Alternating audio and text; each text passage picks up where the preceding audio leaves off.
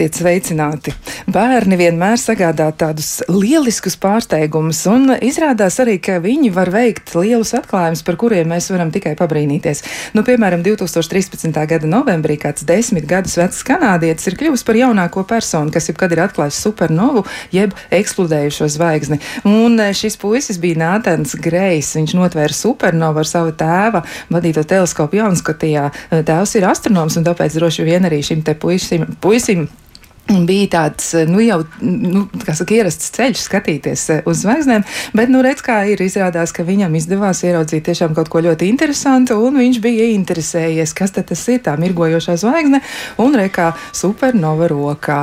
Nu, lūk, līdz ar to mēs arī varam nu, tiešām eh, paļauties uz to, ka ļaujam bērniem darīt lietas, ļaujam viņiem pētīt arī dažādu veidu aparātus un visur, kur iesaistīties, jo kas to zina, atklās kaut ko ļoti dižu, ļoti, ļoti vērtīgu un ļoti, ļoti nozīmīgu. Nu, lūk, bet mēs šodien mēģināsim izpētīt, kā tad mēs jūtamies paši, kas ir ar mūsu pašu eh, labizjūtu, pašas, pašsajūtu, emocionālo stāvokli līdzsvaru un eh, mēģināsim noskaidrot, nu, kā tad tas viss nākas, ka mēs izrādās nejūtamies nemaz tik labi.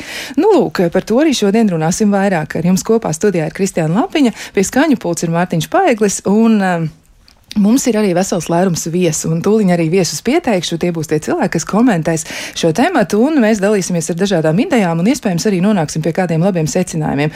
Un uh, tā tad uh, mēs esam šobrīd jau mm, iesaistījušies uh, nu, tādā aizkulisku sarunā, bet uh, turpināsim to kopā ar visiem klausītājiem. Un viesi mums tātad būs ārsts psihoterapeits Andris Jansons. Sveicināt! Labrīt. Vēl esam aicinājuši arī sarunā piedalīties certificēto fizioterapeitu Jekaterinu Bovtramoviču. Sveicināt! Labrīt! Un vēl esam aicinājuši sarunā piedalīties Rīmī Latvijas sabiedrisko attiecību vadītāju Ingu Bīti, kura pastāstīs arī par veiktās aptaujas rezultātiem, un uz to mēs arī balstīsim savu sarunas sākumu pilnīgi noteikti. Esiet sveicināti! Labrīt! Un vēl esam aicinājuši arī sarunā iesaistīties eh, kādu cilvēku, bez kura mēs nekā nevaram iztikt, proti tā ir veselīgas ēšanas eksperta certificēta uztur speciālista Olga Ļubina. Sveicināti! Sveicināti. Nu, re, kā visa komanda tad ir kopā. Nu, tad aiziet. E, es pirmo jautājumu uzdošu e, tieši Rīgas Latvijas sabiedrisko attiecību vadītājai Ingai Bitei. Nu, tā tad jūs esat veikuši aptauju, kur arī savā ziņā ir bijusi tāds pamudinājums un ierosinājums mums veidot šo raidījumu un nu, tematu analizēt sīkāk. Un raidījuma producents Loreta Bērziņa, protams, ir nu, pievērsus tam uzmanību, un te nu mēs arī esam ar šo tematu. Un tad, Ko tad jūs noskaidrojāt? Kādi ir dati, kas ir tas, kas ir sakāms tieši par Latvijas iedzīvotājiem? Jā, tas, kas patiesībā parādījās pētījuma datos, un jāsaka, ka dažādos griezumos savulaik ir veikti dažādi pētījumi, bet nu, tā viena tendence mums atkal ir parādījusies.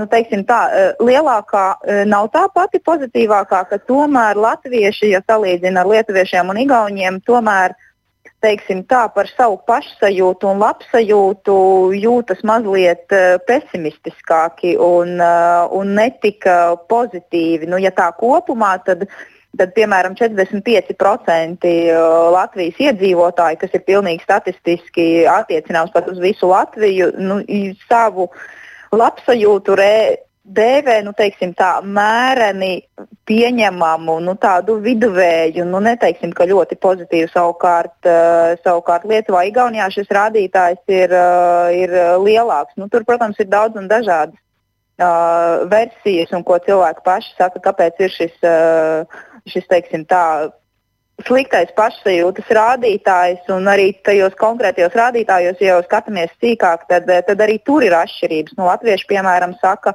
un arī ar Baltijas valstīm izceļas ar to, ka viņi izjūt vairāk stresu un nervozitāti. Ja, piemēram, Latvijai tie ir 56%, nu tad uh, par 10% mazāk ir uh, lietuviešiem un igauniem. Tas pats arī par uh, Latvieši vairāk sūdzās par enerģijas trūkumu, atšķirībā no mūsu kaimiņiem, arī biežāk par veselības problēmām.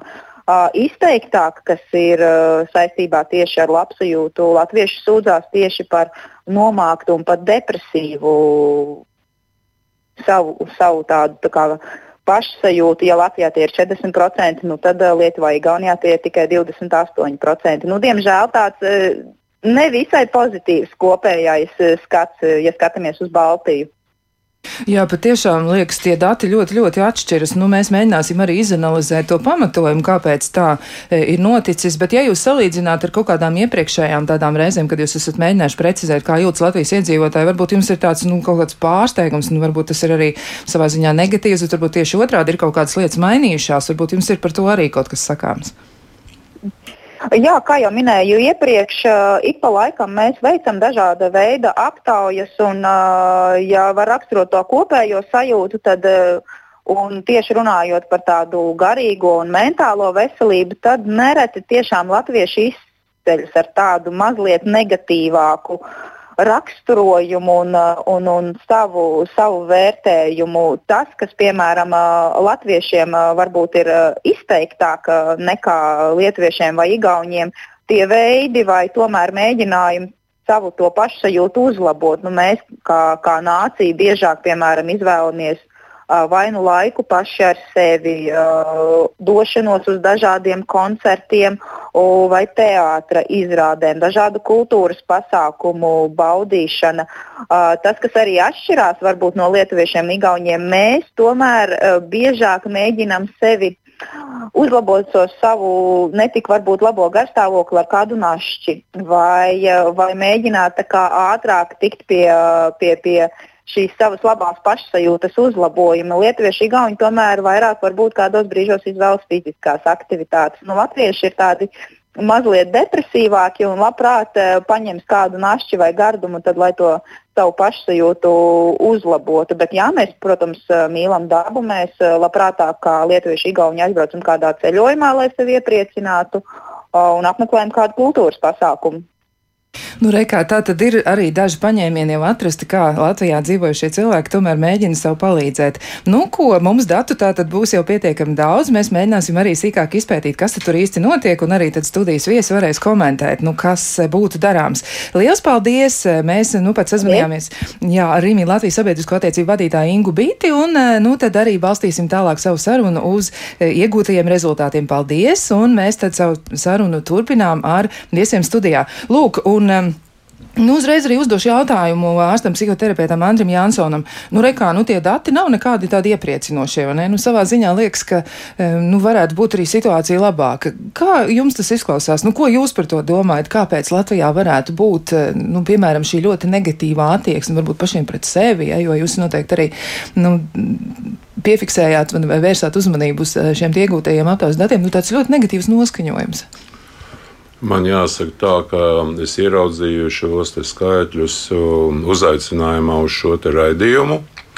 Un pirmā lieta ir tāda, ka nu, man arī sanāk veikt dažādas aptaujas, varbūt ne tik lielā mērogā, kā Rīgā to ir veicis, jā, trīs uh, uh, valstu mērogā.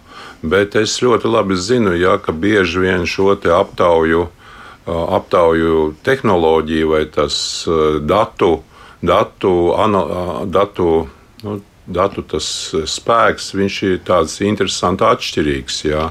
Jo iespējams, nu, es tā fantazēju, ja, ka jo iespējams daudzveidīgāk šīs atbildes, jo tā izkliede.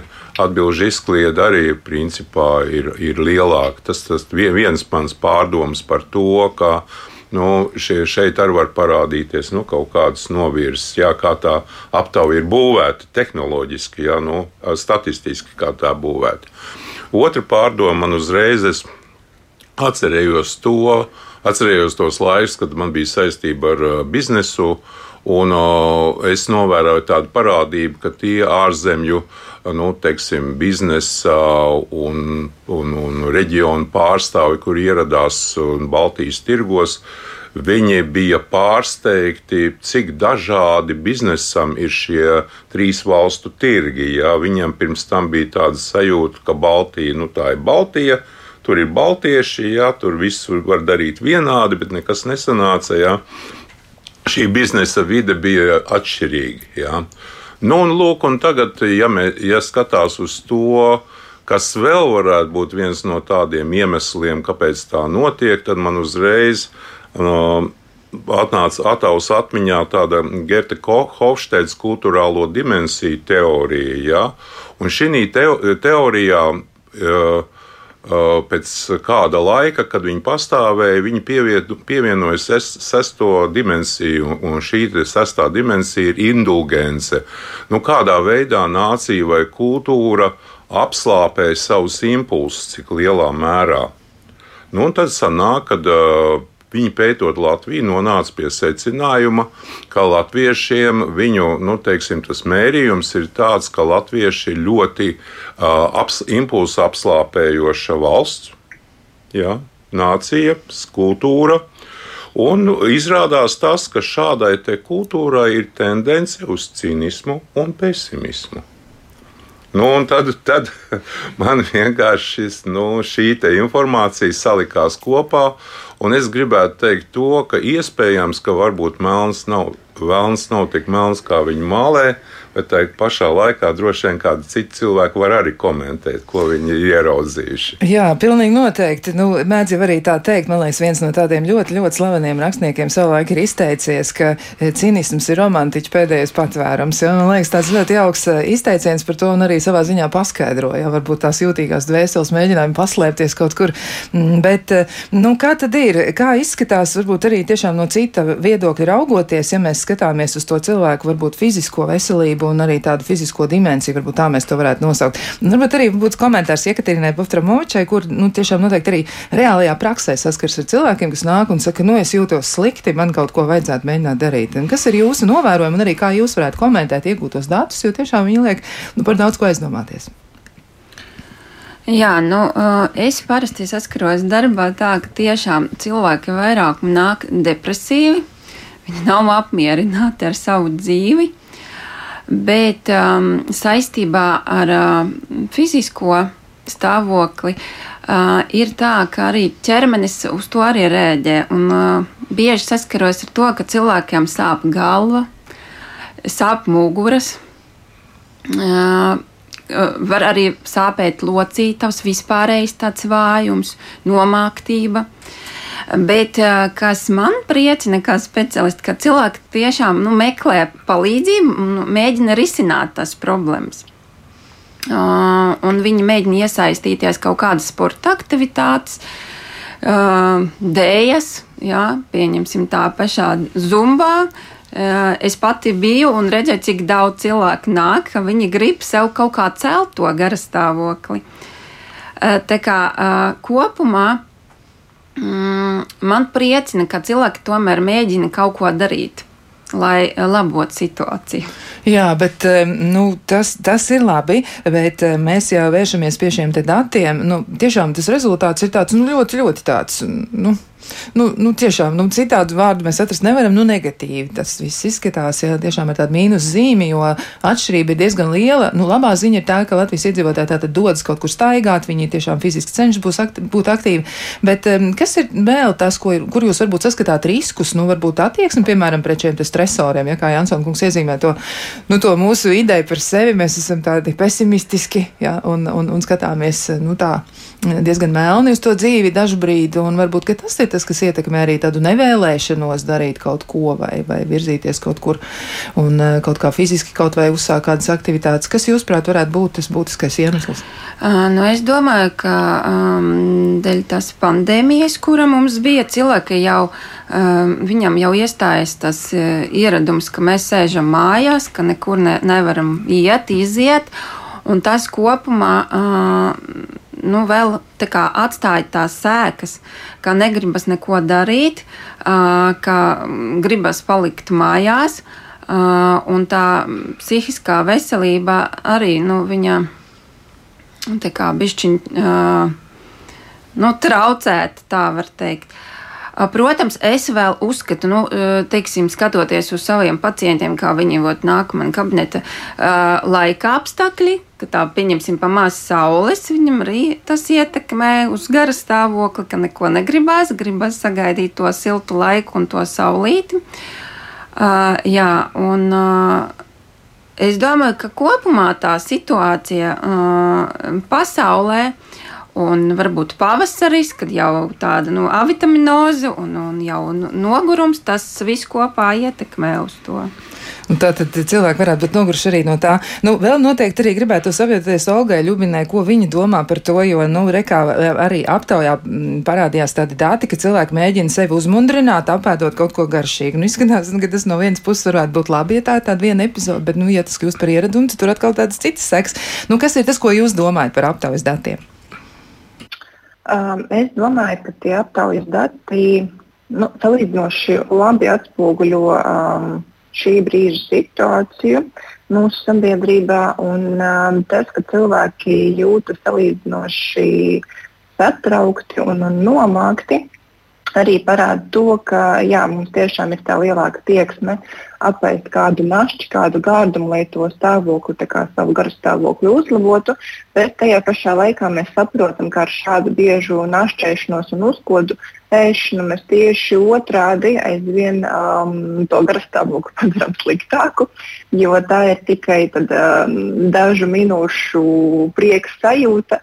Savukārt, tad, kad glukoze mums um, krītās glukozes līmenis asinīs, tad attiecīgi tad mēs uh, izjūtam tādu atkal nedaudz nomāktību. Uh, jo droši vien daudzi zina, ka piemēram sievietes ir tīpaši jūtīgas uz tādu vieglu hipoglikēmiju un ka noteikti viņas ir jāpabaro, saka, lai, lai ir labāks noskaņojums. Un, un, un, un tā, uh, līdz ar to es domāju, ka jā, pirmkārt mums noteikti vajadzētu nu, stimulēt cilvēkus uh, uzlabot savus ēšanas paradumus, un uh, attiecīgi aptauja arī to parāda, ka tomēr cilvēki grib ēst uh, nedaudz veselīgāk, viņi cenšas un meklē informāciju par veselīgu uzturu, bet um, arī um, aptaujas dati, kas man ir pieejami attiecīgi, norāda uz to, ka, nu, pieņemsim, mēs zinām, ka ir ļoti veselīgi iekļaut uzturā augļus un dārziņus, bet tajā pašā laikā um, atkal latvieši šeit izceļas ar to, ka mums ir tikai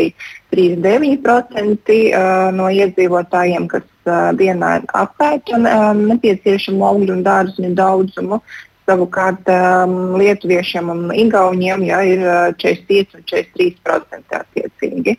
Un, uh, protams, cilvēki arī norāda uz to, ka uh, Mm, viņi būtu labprāt arī vairāk iekļāvuši šos augļus un dārziņus uzturā, taču lielāku teiksim, dēļ tā, ka pieaug izdevumi, tad attiecīgi cilvēki nu, mazāk izvēlās šos augļus un dārziņus uzturā, ir tīpaši ziemas periodā.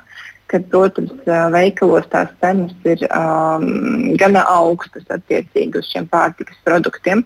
Es domāju, ka šeit arī ir, um, būtu arī jāpasako teiksim, ne tikai fiziskām aktivitātēm kā tādām, bet arī cilvēku spējām atpūsties. Es domāju, ka viena no lietām, kas ir. Uh, kas nav līdz galam novērtēta, ir miegs un miega kvalitāte.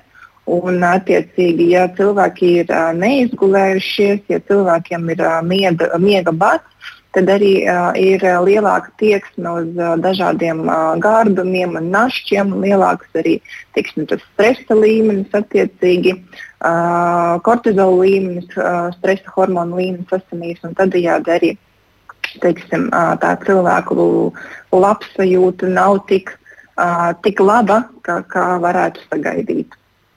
Jā, nu tā ir tāds pašpalīdzības mehānisms. Cilvēks metās virsū tai konfekšu paciņai, jā, bet īsti labi tas, protams, nav. Un tad tur tas augus un dārzenis kaut kur mm, pazūd no, no apvāršņa. Bet, nu, klausītāji arī atzīmē, ka tomēr ir pietiekami daudz iemeslu, par kuriem raizēties, un uh, viņi raksta ļoti, ļoti tieši. Nu, piemēram, viena no klausītājiem saka tā, ka vīrs piedalījās barikādēs, uh, dzīvoja ar cerību ar, par veiksmīgu valsti, ekonomiski attīstīt vienu no pirmajām Eiropā, bet kaut kas ir aizgājis greizi. Esam gandrīz visur pēdējie, tas ļoti nomāc un rada depresiju, neredz izē no šī stāvokļa un kā lai rod pozitīvismu. Ja? Nu, tiešām tāds jautājums, kur tad eh, šo te lai ņem un arī vēl tāda.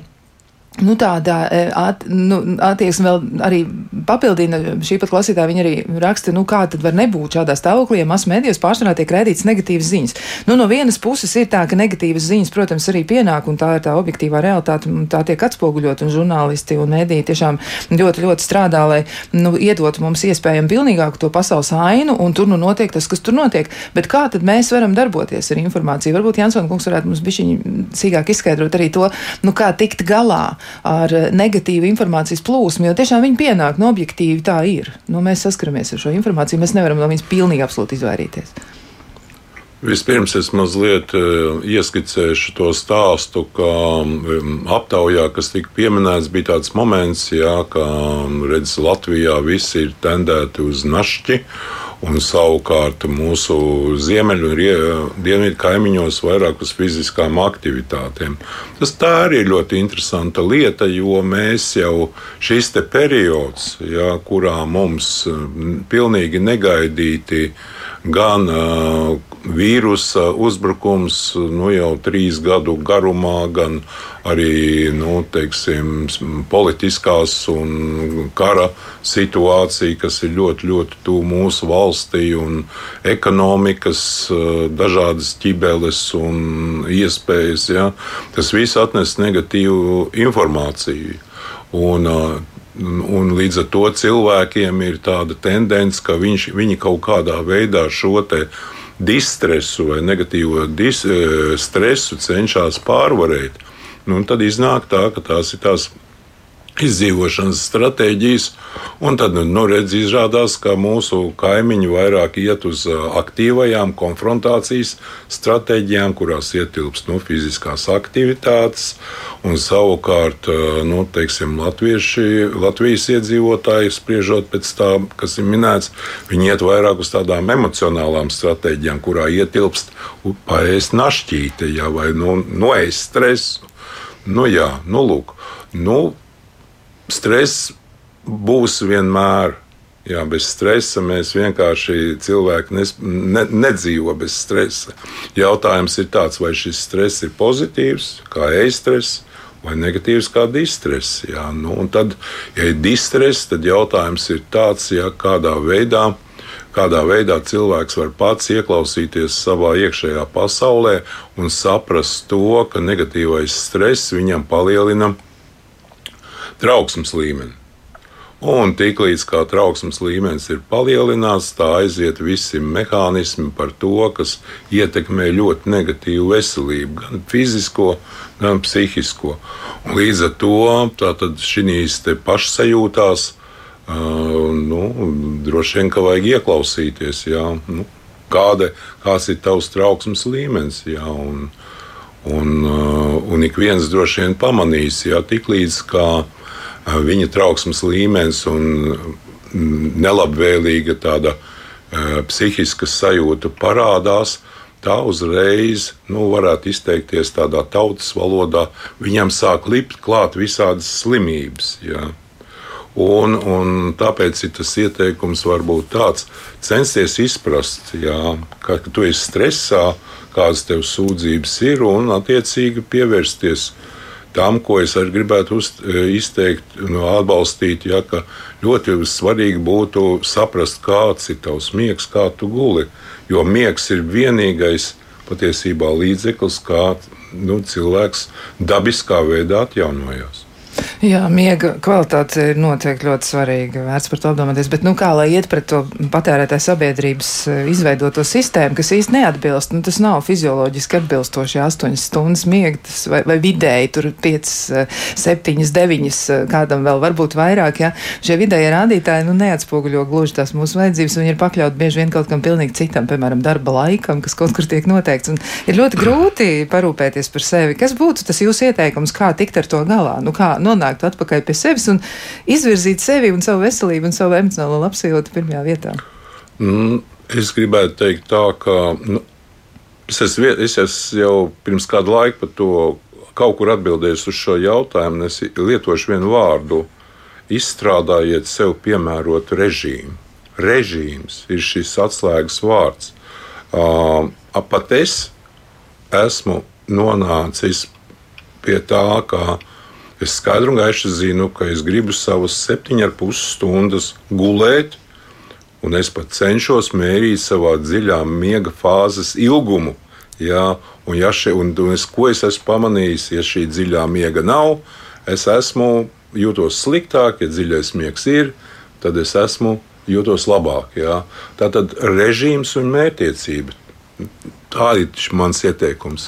Jā, nu, rekā, citādi nekādi nākam arī tomēr nevarēs režīms un mērķtiecība. Nu, arī klausītāji raksta tā, ka beidzam gausties, jā, labāk iedvesmojiet, ko lai dara, lai gūtu pozitīvu attieksmi pret dzīvi. Nu, raksta arī, ka viss ir galvās. Nu, tiešām liela daļa no tā, uz ko mēs rēģējam, ir mūsu galvās. Nu, mēģināsim saprast, kā tas ir, un arī mēģināsim izpētīt, kā pašiem sev palīdzēt, lai tomēr mums tā pašizjūta būtu labāka. Bet eh, to visu mēs darīsim pēc īsa brīža. Kā labāk dzīvot? Turpinām sarunu par to, kā justies labāk un eh, kā mums eh, palīdzēt pašiem sev, jo izskatās, ka aptaujas dati, kas pavisam nesen ir nākuši klajā, rāda to, ka Latvijā nu, cilvēki saka tā, ka viņi jūtas ļoti, ļoti nelāgi un izskatās arī, ka salīdzinot ar kaimiņiem, kas ir tepat blakus, eh, gan Lietuvā, gan Igaunijā, nu, tie kopumā tie rezultāti tiešām nav, nav tik spoži kā viņiem un izskatās, ka kaut kas ir jādara. Un šodien to mēs arī mēģinām izpētīt, ko tad mēs varētu iesākt paši ar sevi, ar savu savu e, pašizjūtu. Un e, arī atgādināšu par viesiem. Pie mums studijā ir ārsts psihoterapeits Andris Jansons. Vēl esam aicinājuši sarunā piedalīties certificētu fizioterapeiti Jekaterinu Boftramoviču. Un vēl esam sazinājušies arī ar Olgu Ļubinu, veselīgas ēšanas eksperta certificētā uztura mm, speciālisti. Un, um, certificēto uzturu speciālistu. Tā bija ja, laikam pilnīgi precīzi jāpasaka. Lūk, mēģināsim saprast, tad, ko iesākt, nu, kaut vai, piemēram, ar tādu ieradumu maiņu, ja, jo dr. Jansons arī teica pirms mirkļa, ka būtu labi pieturēties tomēr pie režīma, nu, runājot par fiziskajām aktivitātēm, laikam tomēr ar gribēšanu vienu, tādu abstraktu gribēšanu būs par maz. Tad eh, varbūt mēs varam arī mēģināt iezīmēt, eh, nu, kā tas ir iespējams, kā varētu pāriet no tāda pasīva e, dzīvošanas veida, kā varētu tomēr sevi aktivizēt un kā lai cilvēki cilvēks izmaina e, savu fizisko stāvokli un, protams, arī līdz ar to emocionālo e, līdzsvaru viņš noteikti ietekmēs.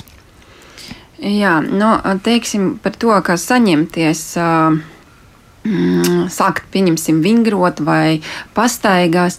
Uh, nu, pirmkārt, uh, cilvēkam um, jāsarunā ar sevi, ka man tas vajag, ka es gribu darīt kaut ko sev labā. Un, uh, bija ļoti laba uh, lieta, ko es šodien dzirdēju, tāds vārds kā režīms, un pieturēties pie tā režīma.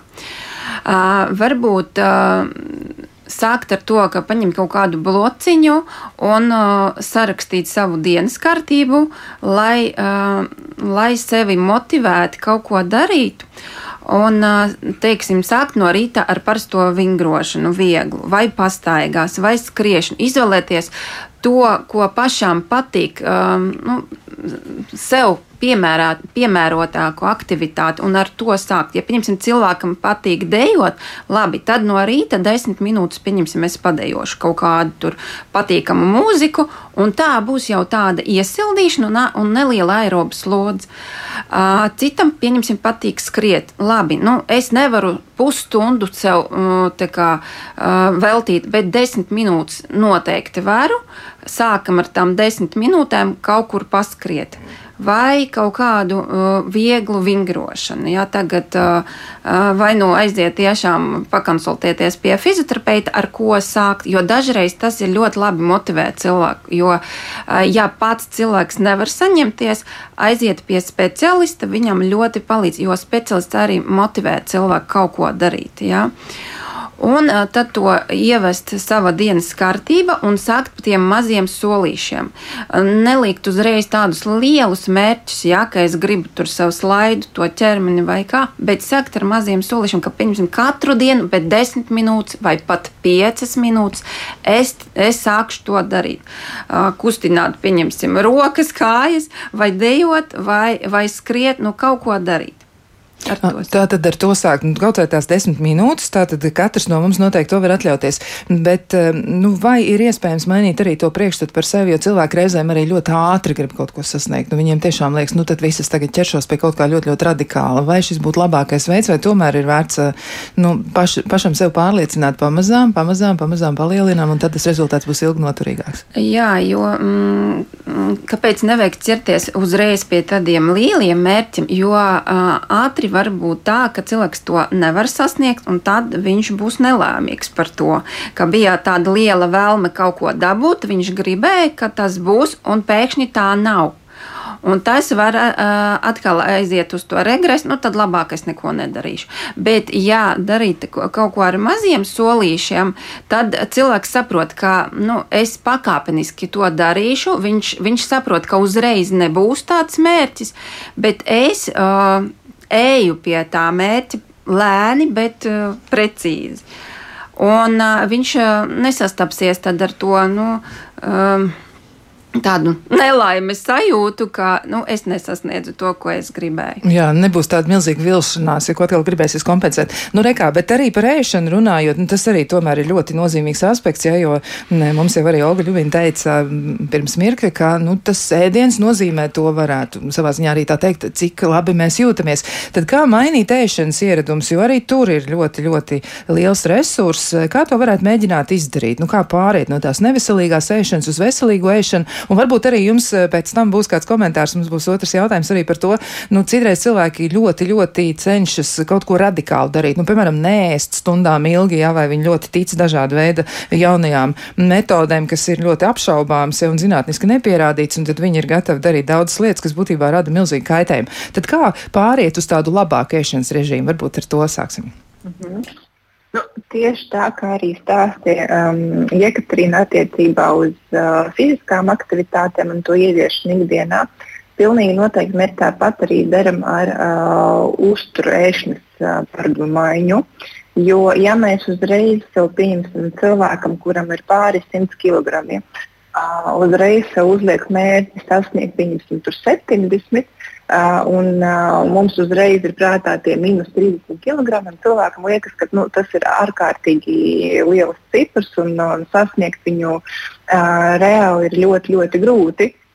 Uh, savukārt, ja mēs uzstādām mērķi sev, pieņemsim, dabūt mēnesī minus 2 kg, šīs jau mērķis ir krietni realistiskāk izskatās.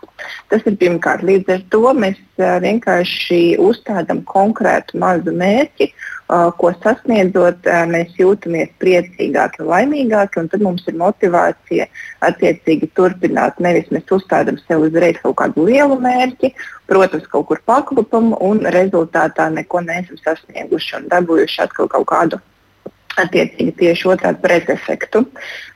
Tā ir pirmā lieta. Otrā lieta, ka attiecīgi, ko mēs varētu darīt savādāk. Nu, pirmkārt, arī līdzīgi kā mēs varētu pierakstīt mūsu dienas režīmu, tikpat tāpat mēs varētu veikt uh, uztura dienas grāmatu uh, pierakstu.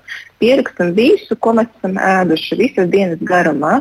Un cilvēkiem, kam liekas, ka viņi ne, neko nēd, parasti pēc šī pieraksta veikšanas, attiecīgi viņi saprot, ka viņi ēd visticamāk no rīta līdz vēlam vakaram ar uh, tikai mazām pauzītēm. Savukārt cilvēkiem, kam liekas, ka viņi ēd ļoti daudz, izrādās, ka tur var būt tieši otrādi. Uh, kā saka, ir divas, trīs ēdienreizes, un tad varbūt arī kaut kas ir nepietiekamā daudzumā uzņemts. Un, uh, līdz ar to jā, vienkārši veicam tos pierakstus un tad mēģinam paši to izanalizēt. Varbūt mums, mēs pamanīsim, ka ir par maz ūdens attiecīgi ikdienā uzņemt. Tad mēs varam piestrādāt pie tā, ka mēs katru dienu cenšamies iestāt par vienu vai divām ūdens glāzēm vairāk nekā tas ir bijis teiksim, iepriekšējās nedēļās. Tā ir viena lieta. Otra lieta, ka mēs pamanām, ka mums ir pārāk biežas šīs uzkodas. Tad mēs cenšamies struktūrizēt savu ēdienu kārtu, struktūrēt un tad attiecīgi šīs uzkodas uh, mazināt. Nākamā lieta, ko mēs varam pamanīt, ir pieņem, kas ir īstenībā praksē ļoti bieži mēs varam novērot, um, ka cilvēkiem ir par maz olbaltumvielas, brokastīs vai teiksim, pusdienās. Ja? Tad attiecīgi um, dēļ tā cilvēkam arī būs ātrāka izsalkuma sajūta un tad gribās, gribēsies tieši biežāk arī našķēties un uzkost. Un tad, attiecīgi, mēs varam pārdomāt, ka būtu jāpalielina šo obaltumu saturošo produktu uzturā. Tad tā būtu ne tikai gaļa vai teiksim, ko mēs uzreiz varam droši vien iedomāties, jā, bet tikpat labi mēs varētu vairāk iekļaut uzturā tos pašus pakšaugus vai uh, piena produktus vai teiksim, kādus riekstus un sēklas. Uh, un uh, nākamā lieta, par ko noteikti vajadzētu atcerēties, ir šis te, šie tauki. Jo ļoti bieži cilvēkiem liekas, ka, vi, nu, ka mēs tos augus ēdam par daudz. Tāds arī daļēji ir, bet mēs pārsvarā ēdam tos sliktos taukus, ja, tos piesātinātos, kas nāk mums no dzīvnieku valsts produktiem, bet tādus taukus, kas nāk no uh, augu valsts attiecīgi un no zivīm, mēs savukārt uzņemam ļoti maz. Un ar to arī saistās uh, mūsu arī labsajūta, jo īstenībā, ja mums ir omega 3 augstskābju deficīts organismā, tad tam ir sasaiste arī ar um, šo depresīvo noskaņojumu un depresiju kā tādu. Uh, līdz ar to uh, mans priekšlikums būtu arī cilvēkiem tiešām pievērst uzmanību, vai ir šīs labās augstskābītas uzņemtas uzturā. Ja, do, ēdam vairāk riekstus, sēklas. Tiešām sekojam līdzi, lai ikdienā būtu šī olīveļa uzturā lietojama.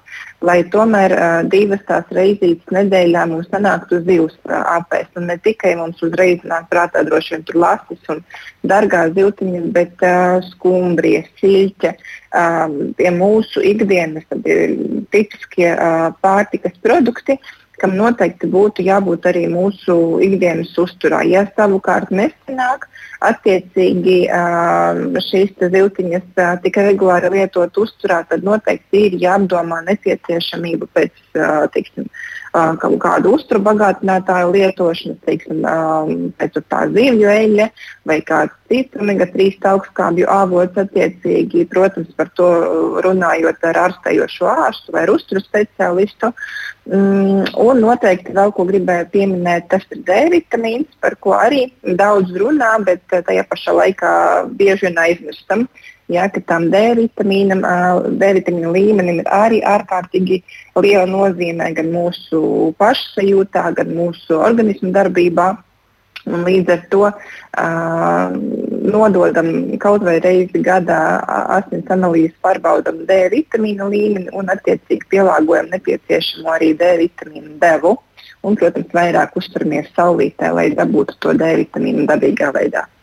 Jā, noteikti. Tā tad mēs varam eh, palīdzēt paši sev, un tiešām nu, uzturs ir ļoti tāds būtisks pamatojums. Paskatāmies, eh, ko tad mēs tur ēdam un kā. Un, ja nu gadījumā kas notiek, tad eh, droši vien var arī jautāt uzturu speciālistam, aiziet vienkārši apciemot viņu un pajautāt, vai tad šis viss, ko es te ēdu, izskatās labi. Jo man šeit tiešām tas arī, ko Olga Ļubina pieminēja jā, par tām uzkodām, nu tas viens cepums tur nav, un ja maz tik daudz visādi to labumu, ja tajā cepumā tur ir daudz gan cukurs, gan sāls, gan viss kaut kas cits. Ārkārtīgi daudz jā. kaloriju. Un ārkārtīgi Ārkārt. daudz kaloriju, jā. Nu, klausītājiem arī savu komentāru, un tomēr viņi nu, nedaudz atgādina par šo negativitāti, jā, jo Nu, realitāte brīžam ir tāda, kāda tā ir, un uh, klausītājs saka, lai noturētos virs ūdens un dzīvotu daudz maz cilvēku cienīgu dzīvi. Cilvēks daudz strādā, un līdz ar to arī izdeg, un kā varbūt būt šādā situācijā kvalitatīvs miegs. Ir daļa cilvēku, kur neklausās ziņās, jā, neklausās tās ziņas, nepiedalās valstiskās aktivitātēs, un varat iedomāties, nu, vai viņi jūtas laimīgi, un nu, vai tas ir risinājums, tad, ja pilnīgi cilvēks norobežojas. Nu, tā ir tā kā tāda viena lieta. Un, uh, otrs piemērs arī savukārt ir tāds pretstats, ja savā ziņā. E, viens no klausītājiem raksta, ka viņš e, agrāk ir daudz strādājis, grābu, grābu, stresoja, kā viņš raksta, un tad man apnika, tagad dzīvoju sev, daru tikai to, kas pa īstam man ir nepieciešams, un, mm, ja var iztikt, tad arī nedaru. Īsāk sakot, daru, ko gribu, un, e, nu jau man ir pilnīgi vienalga, vai apkārtējiem tas patīk vai nepatīk. Es dzīvoju sev, un reāli arī stresa nav. Nu, ja var to dzīves stilu pārkārtot, tad, protams, tas būtu jādara. Varbūt arī tiem cilvēkiem, kas ir ļoti noslogoti, varbūt ir jāmēģina izpētīt, kā tad viņi dzīvo. Jo, protams, ka ir grūtas situācijas, un ir skaidrs, ka nu, nebūs tā, ka burbuļu nūjiņa visu atrisinās, bet varbūt tomēr kaut ko var iesākt. Nu, katrā ziņā ir viena lieta pilnīgi skaidra, jā, ka cilvēkiem tas darbs ir nepieciešams, jo tas atnes viņiem resursus, jā, kas nodrošina viņa dzīvi, un jo šie resursi ir vairāki, jā, tad, tad viņa dzīve ir kvalitatīvāka. Um, Un tad jau var sākt domāt par to, vai tā dzīve atnes kaut kādas laimes izjūtas vai, vai savādākas izjūtas. Tas ir viens moments. Bet, uh, ņemot vērā to, ka te atskanēja ļoti daudz jauki praktiski piemēri, ja, tad mēs tik tiešām varam arī, ja mēs jūtamies. Uh, ja mēs jūtamies, ka mēs esam noslogoti darbos, un mēs īsti nesaprotam, jā, kā, kur mēs atrodamies tādā darba un atpūtas līdzsvarā, arī mēs varam rakstīt arī kādu pāris dienas dienas grāmatu ko mēs visu esam dienas laikā izdarījuši. Jā. Un tad mēs varam novērtēt jā, to savu nu, to ieguldījumu. Tādī, nu, e, psiholoģiskajā, psiholoģiskajā psihiskajā darbībā vai fiziskajā darbībā, ko mēs esam darījuši. Tad mēs varam paskatīties un saprast, vai tas ir. Jo ko jau mēs vēlamies? Jā? Nu, darba ziņā, darba ziņā mēs saskaramies ar motivācijas sistēmām. Motivācijas sistēmās ir, uh, nu, ir vienprātība tāda, ka uh, apmierinājums par sasniegto jā, par izdarīto. Jā, tas ir viens motīvs. Otrais ir tas, ka tu atrodies kaut kādā kolektīvā vai kolektīvā pats ar sevi un esi apmierināts jā, visā. Un arī jautājums par to, kāds tev ir šis atalgojums, kas atnes tev pietiekami resursus. Jā. Nu, tad var uzrakstīt pāris dienas šo te visas dienas darītos darbus gan darbus darbā, gan darbus mājā, gan darbus ģimenē, ko tu visi esi darījis, apskatīties uz to sarakstu un uzdot sev jautājumu, vai es jūtos kvalitatīvi, vai es jūtos labi. Tāds ir viens tāds paņēmiens, kā ieskatīties sevi iekšpusē. Jā, jā var izvērtēt to visu. Jā. Vēl, man liekas, arī labs eh, paņēmiens ir tāds tā saucamie veiksmes stāsti. Ir vērts paskatīties, ko mēs dzīvē esam sasnieguši un kas mums to ir palīdzējis izdarīt. Varbūt jāatkāpjas atpakaļ nedaudz pie tā un jānovērtē pašiem sevi. Veiksmes stāsts. Nu, man jāpiezīmē to, ka nu, es ikdienā strādāju personāla atlasē. Un personāla atlases intervijās viens no tādiem lieliem jautājumiem - pastāstiet par saviem veiksmes stāstiem un neveiksmes stāstiem. Man jāsaka to, ka pārsvarā, pārsvarā kandidāti vienmēr zina pastāstīt savus veiksmes stāstus Viņi nevienmēr spēj atcerēties neveiksmes stāstus, bet tas jau ir cits jautājums. Jo tad jāparāda, kā viņu prāt, savs vājums, vai savas kļūdas, vai savas vilšanās, un tas vairs nav tik ērti un vienkārši. Ja? Bet veiksmes stāsts ir arī. Um, nu, Uzdot dienas beigās sev vienu jautājumu, ko es šodien labu izdarīju. Tas arī paņēmiens. Jā, noteikti to vajadzētu darīt. E, arī klausītāji raksta tāds ļoti jauks ieteikums. Viņi pauž un um, saka tā, ka um, mēs, latvieši, neesam orientēti uz panākumiem. Mums ir desmitiem gadu teikts, nelien neaiztiec paklusē, mums ir jāmācās, hei, sasniedz to, izzini to, tu vari, un ir jāmāc panākumu gūšanas filozofija, un savā ziņā tas tiešām tā varētu būt, nu tāda virzīšanās uz attīstību, ko tiešām nevajadzētu sev liekt. Un te es varētu pievienoties tam, ko. Uh, pievienoties tam, ko teica klausītāja, un atkal atgriezties pie šīs te kultūrālās teorijas, jo tur parādās atkal viens interesants, uh, interesanta informācija par mūsu nāciju, kas ir šeit. Un tā ir tā saucamā vīrišķības dimensija, kāda ir. Uh, un Latvija tiek tika izmērīta, ka mēs esam diezgan sievišķīga uh, nācija. Ja mums ir ļoti zems šis vīrišķības rādījums, tad tas iznāk tā, ka mēs kā nu, tas apraksts ir tāds, ka šeit neveikli uh, jūtās saņemot uzslavas. Jā, mēs jau neko neesam uh, sasnieguši, tas jau nav nekas ievērības cienīgs, un tā veidojās tāda pārprasta pieticība. Jā. Varbūt tāds moments arī ir. To, to uz mums ir paskatījušies no malas un to uzrakstījuši nu, zinātniskā pētījumā. Ja. Jā, nu nevarētu teikt, ka tā ļoti tas iepriecina. Tajā nozīmē, ka būt eh, sievišķīgam vai vīrišķīgam tas varētu būt arī tā ļoti diskutējami. Katrs, bet tas katram... ir termins tikai. Jā, jā, tas ir termins tikai. Tas, jā, jā. Nav, tas nav domāts par vīrieti un sievieti. Bet tieši par to komplimentu ir, nepieņemšanu, jā, es domāju, jā. vai par to nenovērtēšanu mm. un tādu pārprastu pieticību, kas tiešām varētu būt ar negatīvām sekām. Bet, nu, pamazām virzoties uz sarunas noslēgumu, es tomēr gribētu visiem ekspertiem arī uzdot eh, nu, tādu jautājumu, ko tad jūs ieteiktu? Nu, tāds ļoti, ļoti arī tāds praktiskas lietas, kas varētu tomēr cilvēkiem palīdzēt justies labāk, jo gribas jau, lai mums tomēr tas optimisms kaut kur e, nu, parādās, saglabājas, un mēs spējam arī to uzturēt nu, vismaz kādu laiku, un atkal tad atceroties, ka par to ir jārūpējas, tad atkal varbūt kaut ko darām. Nu, varbūt sāksim ar Jekaterīnu. Nu, tad ko jūs domājat par to, ko vajadzētu iesākt? Nu, es ieteicu cilvēkiem mīlēt sevi, ticēt sev, ka man viss izdosies, ka man būs viss labi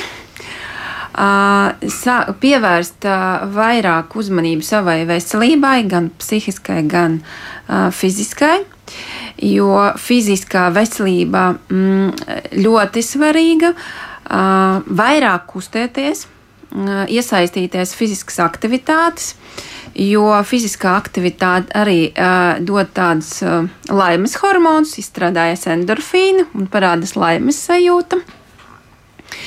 Uh, paskatīties apkārt un saprast, ka diena, super saule, ka viss ir uh, cilvēki apkārt, ka mēs uh, esam tomēr dzīvojam tādā skaistā valstī, kur viss ir zaļš un skaists, un ne, nepieļaut sliktas domas, varbūt um, daudz nelaist sevi cauri, jā, kaut kādas tās sliktas ziņas vai kaut kādus sliktus stāstus, uh, nepieļaut, ka tas neatiecas uz manīm, ka man viss ir labi un uh, pozitīvi domāt. Jā, nu tā tad ļoti labi. Šis varētu būt tāds ieteikums, tiešām, kas varētu strādāt, ja piefiksējam kaut ko, bet tomēr mēģinām, nu tā varbūt ļoti dziļi tajā neiesaistīties, ja vien ir iespēja, bet, nu, ja mēs varam, tad kaut ko arī darām lietas labā. Nu, jā, tad nākamais jautājums eh, arī, nu, šis pats Olgai Ļubinai, ko jūs ieteiksiet? Nu, kas ir tas, ko jūs eh, pateiksiet klausītājiem, kā viņiem parūpēties par sevi? Nu, arī tā ļoti praktiski. Bez tā viss, ko jūs jau teicāt, tie bija lieliski ieteikumi. Jā, es domāju, ka mums noteikti uh, jāmācās cienīt sevi, savu ķermeni, uh, savu mentālo veselību un, attiecīgi, arī, uh, ja kas, kas attiecās uz ēšanu, arī ēst, cienot sevi. Jo uh, ļoti bieži mēs uh, dzirdam arī, ka, piemēram, ai, man bija žēl izmest kaut ko miskastē, tāpēc es to apēdu. Bet, uh, tas varbūt uh, var skanēt bišķiņā um, skarbi, bet lūdzu nepadariet sevi par šo miskasti. Nemetam sevi iekšā visu to, ko žēl izmest miskastē. Līdz ar to ir jāciena sevi, ir sevi jāmīl, un tad attiecīgi jā, atceramies izdzert ūdens glāzi, atceramies iziet ārā pastaigāties, atceramies uh, pateikties par to, ka mēs dzīvojam tur, kur uh, ir zilas debesis un, un, un mums ir miers apkārt un attiecīgi mm, baudam, baudam šo dzīvi, baudam ikdienu un mazāk lasam ziņas. Labi, paldies. Tātad eh, rūpējamies par sevi salīdzinājums ar atkritumu spaiņu bija tiešām ļoti, ļoti tāds, nu, man liekas, tas, tas ir labi, tas nostrādāja. Doktors Jansons arī nu, ar atbalstošu žestu, ja šorīt norēģēja. Un tad, nu, gal beigās eh, mēs varam arī lūgt tad eh, doktoru Jansonu noslēgt šo sarunu. Ko jūs ieteiksiet? Tad, kad es saņēmu uzaicinājumu, es izdzirdēju ļoti bieži vārdu stress šī tekstā. Un es gribu teikt to, ka at, mana doma ir tāda, ka stress ir vienmēr. Visiem mums vienmēr būs stress. Vēlreiz atkārtošu par to, ka stress ir gan ārējs, gan iekšējs. Nākošais moments - stress ir gan labs, pozitīvs, gan slikts, negatīvs. Un sliktais stress atnes mums trauksmi, miega traucējumus un visu, visu pārējo.